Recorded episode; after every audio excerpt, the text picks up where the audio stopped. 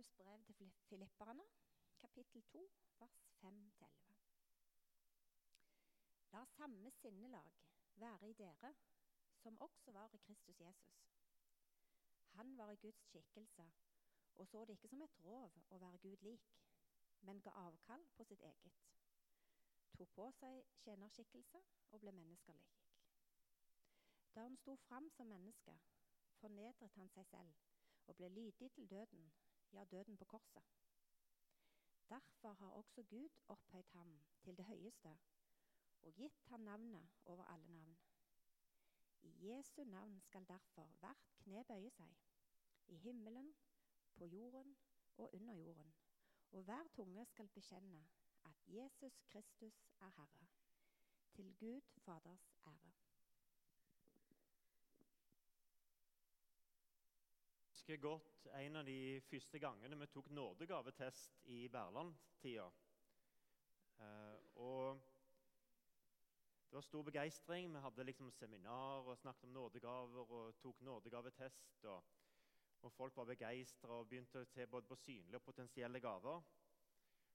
Og så begynte liksom prosessen etterpå. Og jeg tenkte liksom Hva i all verden er det vi har satt i gang? Fordi at folk lærte å si nei. Vi holdt jo på å gire opp, liksom skulle få til alt vi drømte om. alt som skulle skje. Og så begynte folk å si nei. Det har jeg jo ikke nådegave til. Åh, skulle aldri begynt på de nådegavegreiene. Det var tydeligvis et feilspor. Så det var befriende å ha biskop Thomas her nå i høst.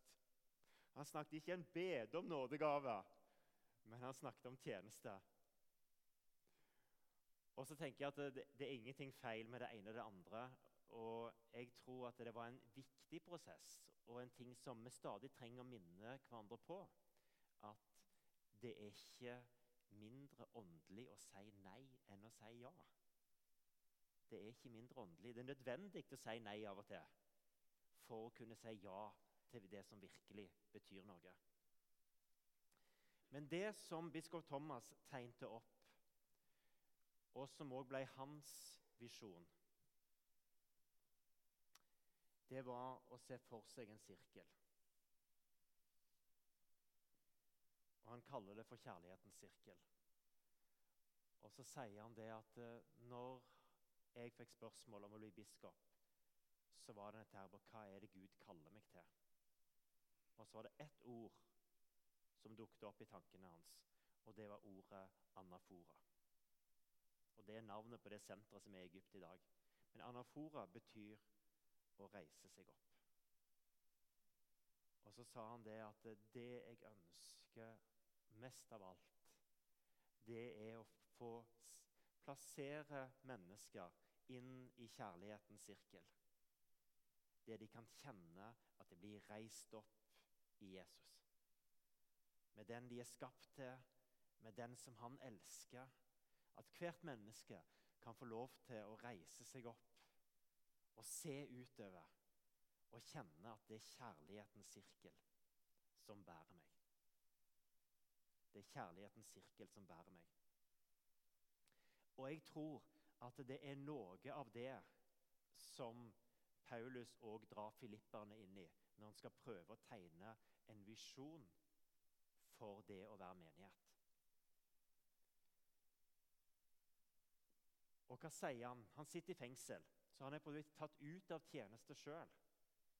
Han har mista rollen som predikant. Så skriver han brev i stedet. Når han ikke får til å slippe til noen plass, så begynner han å sende rundt på brev. Så sitter han der og skriver, og så tenker jeg, hva i all verden er det viktigste som jeg kan si til menigheten i Filippi? Og på hvilken måte kan det henge sammen med dette her eh, bildet av Jesus som kom i en tjenerskikkelse? Det aner meg at noe av det første som faller inn og jeg tenker, Nå hopper jeg bitte litt fram og tilbake i Filipperbrevet. Men plutselig, midt inni alt, så kommer det et eller annet som man har tenkt på. tenker jeg. Så sier han, 'Gled dere alltid i Herren'. Igjen vil jeg si 'gled dere'. Men så kommer det en rar setning en som måte oppfølging av det der måte, glede. Og det er La alle mennesker få merke at dere er vennlige. La alle mennesker få merke at dere er vennlige. Og Derfor så tror jeg at noe av det første i denne sirkelen Det handler om å være åpne for andre. Det handler om å være åpne og nysgjerrige på at nye mennesker skal komme til menighetsfellesskapet og finne sin plass her. Og at den gleden som kommer når nye mennesker finner sin plass og blir en del av det, det er en begeistring, en glede, som han ønsker at alle skal få del i. La alle mennesker få merke at dere er vennlige. Og Kanskje er det nettopp noe av det som kjennetegner biskop Thomas òg, måten han har møtt mennesker på, måten han har berørt mennesker, er den der åpenheten for hvem du er.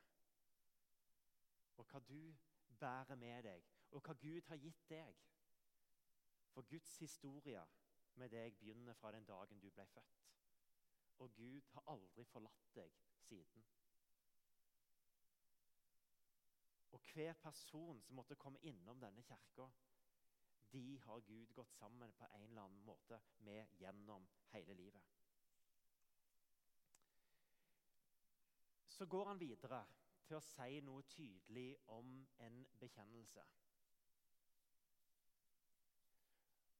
Og ikke en virkel som helst bekjennelse, men en bekjennelse på at det er Jesus som står der i sentrum. Det er han som blir vårt forbilde i det å være åpne og det å ta imot mennesker. Han som kom som en tjener. Han som kommer for å gi seg sjøl.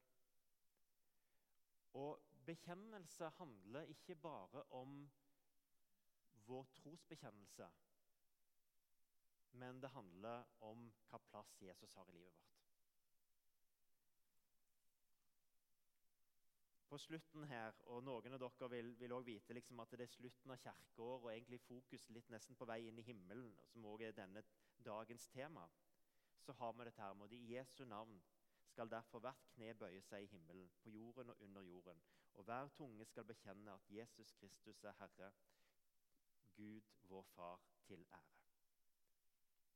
At det er noe som står fast der. Jesus er der fra begynnelsen, og han er der òg på slutten så er det det som er hovedordet i Filippebrevet. Det å være tjenende. Han sier ikke så mye om nådegaver, men han sier noe om at på samme måte som Jesus kom for å tjene, så er vi kalt til å tjene. Og Han er ganske utfordrende på en del ting, for han sier det at eh, dere har fått Jesu nåde. Ikke bare til å tro, men òg til å lide for ham. Ikke bare til å tro, men òg til å lide for ham. Og Biskop Thomas brukte jo bildet med et usynlig alter. At På samme måte som vi står her og får lov til å ta imot Guds kjærlighet, vi får lov til å ta imot nattværen, så er det sånn at når vi går ut, så bærer vi med oss et usynlig alter.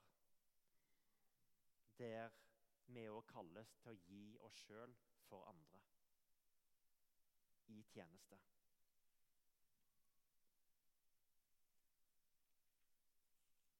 Han som kom som en tjener og var i Guds skikkelse, man så det som et rov å være Gud lik, men ga avkall på sitt eget, tok på seg en tjenerskikkelse og ble menneskelik.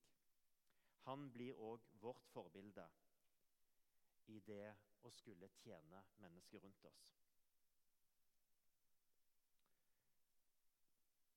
Og så handler det om til slutt her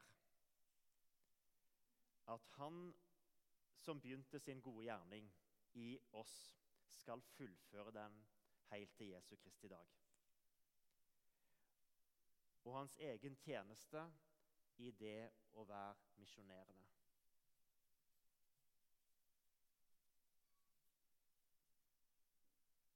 At nye mennesker skal bli kjent med Jesus å bli dratt inn i kjærlighetens sirkel slik at de kan være med å åpne dørene for andre som kan få lov til å bekjenne Jesu navn.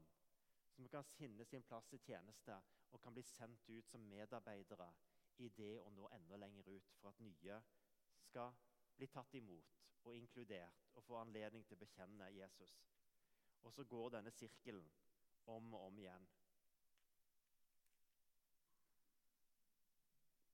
Og selv om Paulus hadde fått vært med på mye, så sier han det at Men én ting gjør jeg. Jeg glemmer det som ligger bak, og strekker meg mot det som ligger foran. Ja, jeg jager fram mot målet og den seierskransen som Gud på forhånd har lagt ferdig for oss i Jesus Kristus. Jeg glemmer det som ligger bak.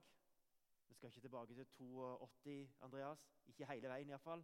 Vi skal framover i det som Gud har foran oss, og det som Gud vil lede oss inn i framover. Hva skal til for at det skal skje, og på hvilke områder kan vi drømme om at det skal skje? Paulus begynner med å si 'alt makter jeg i Han som gjør meg sterk'. Han er på en måte hele veien tilbake til dette sentrumet. Alt makter jeg i Han som gjør meg sterk. Jeg er viss på at Han som begynte sin gode gjerning i meg, skal fullføre den helt til Jesu Kristi dag. Jeg ser på Han som kom som en tjener, og jeg vil følge Han.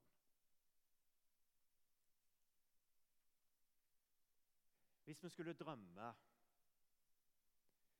Jeg tror ikke vi skal ta 35 år fram. Det ble litt lenge å drømme så langt som Andreas har, har klart å drømme. Men du tok jo etapper, du òg, Andreas. Så. Hvis vi skal drømme litt om at Gud skulle fordoble vår menighet i løpet av de neste ti årene Det er 10% vekst hvert år. Hvis vi skulle drømme om det skulle skje Er det mulig å se for seg å ta det ned på noe som er konkret? Det er egentlig så enkelt som at eh, vi får lov til å invitere én med oss inn i denne kirka i løpet av de neste ti årene. Så har vi fordobla oss.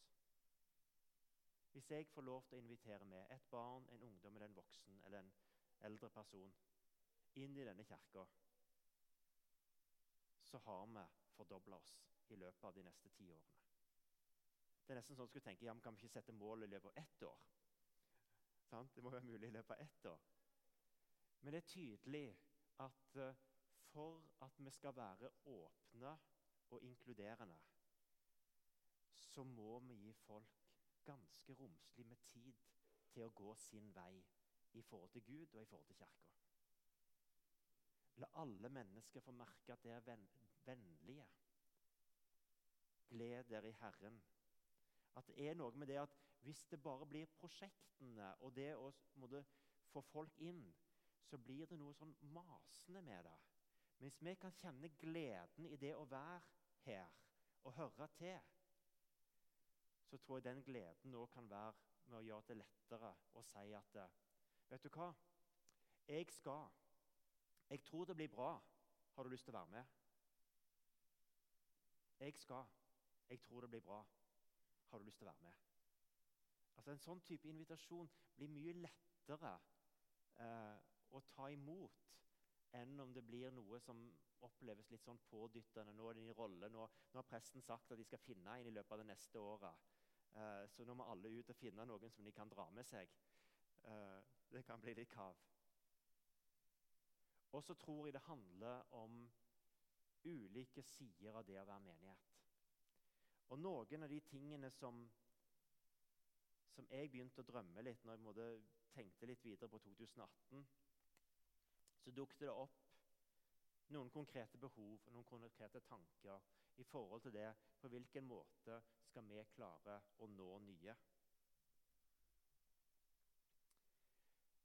Jeg hører noen små tegn på at det er ungdomsskoleelever og videregående elever som ønsker seg huskirke. Ønsker seg en plass hvor de kan få lov til å være i denne sirkelen og få lov til å være, være med og vokse som kristne og være med og nå nye. Vi har en drøm om konfirmantgrupper i hjemmene som en plass til å samtale om tro. Vi har en drøm om noen praktikere som kan være med og legge til rette for noe av matserveringen. Noen diakoner, om du vil, i forhold til apostelgjerningene, på Surrender. Sånn at det blir en plass der òg det praktiske kan fungere på en god måte. Vi har starta to nye cellegrupper i høst. Og jeg ser det at Noe av det vi trenger å be fram, det er nye cellegruppeledere for å være med og å ta imot nye som kommer, og som ønsker å bli inkludert i et fellesskap. Hvis vi ikke har cellegruppeledere, så blir det veldig vanskelig å starte nye grupper. Og vi kommer litt sånn bakpå i det å komme i gang med det. Mye av vårt utadrettede arbeid skjer i pendelen mellom det diakonale og det tjenende og barne- og ungdomsarbeidet vårt. Det er ikke tvil om at det er noen av de to store arenaene vi har som kirke i forhold til å nå lenger ut. Hvis du ikke har fått med deg boka til Vidar, 'Disippelrytmer', så går det an å ta med seg en der på infobordet etterpå. Eh, her er det en spennende historie fra filmen 'Så som i himmelen', så den skal jeg ikke ta nå. Den skal dere få lov til å lese sjøl. Men jeg har lyst til å avslutte med langfingerens bønn, som han bruker her. Den får vi på veggen. Jeg leser den én gang først, og så kan vi lese den en gang sammen. Hellige Ånd, her går jeg med mine gaver, med min tjeneste, med oppdraget du har gitt meg. Berør meg i dag, så jeg går i dine ferdiglagte gjerninger. Kom til meg disse mine minste, og la ditt rike komme på jorden så som i himmelen. For andre.